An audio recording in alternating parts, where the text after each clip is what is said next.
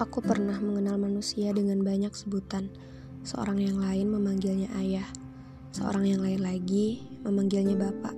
Seorang dari miliaran manusia lain mungkin memanggilnya dengan panggilan berbeda, tapi tetap sama maknanya.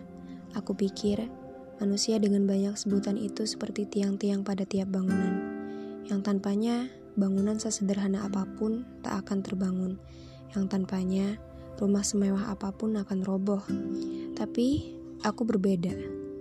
Menurutku, sang pengecut itu tak lain hanyalah tiang-tiang longgar yang terpaksa mengikat. Menurutku, si pengecut itu tak lain dari seorang laki-laki asing yang sialnya mau bagaimanapun aku mengelak, aku tetap akan jadi putri kecilnya. Dalam dongengan yang aku dengar, ia harusnya menjadi kepala keluarga. Namun pada kenyataan yang kuterima, ia tak lain hanyalah sebuah nama dengan sebutan orang tua dan ayah adalah gelar untuknya. Harusnya begitu, yang harusnya membimbing, namun tak ayal dia melepas kendali dan membuat kapal yang kutumpangi terombang-ambing.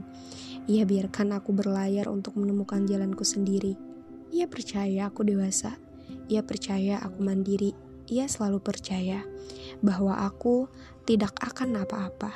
Meski pada akhirnya ia tahu kalau masalahnya adalah ketika aku akan selalu baik-baik saja. Yang jadi masalahnya adalah ketika aku sudah tidak bisa lagi merasakan apa-apa ketika aku bertemu dengan si pengecut itu. Tak ada perasaan lain selain kebas dan membeku seperti mati. Harusnya ia menyayangiku. harusnya. Harusnya ia memastikan aku tumbuh dengan baik. Harusnya, harusnya, harusnya. Luka ini memiliki dua sisi Ibu mungkin bisa kehilangan ayah, tapi aku enggak. Ibu mungkin bisa melupa, tapi aku belum tentu. Ayah terlalu jahat, dan sayangnya aku selalu mengelak kata-kata itu.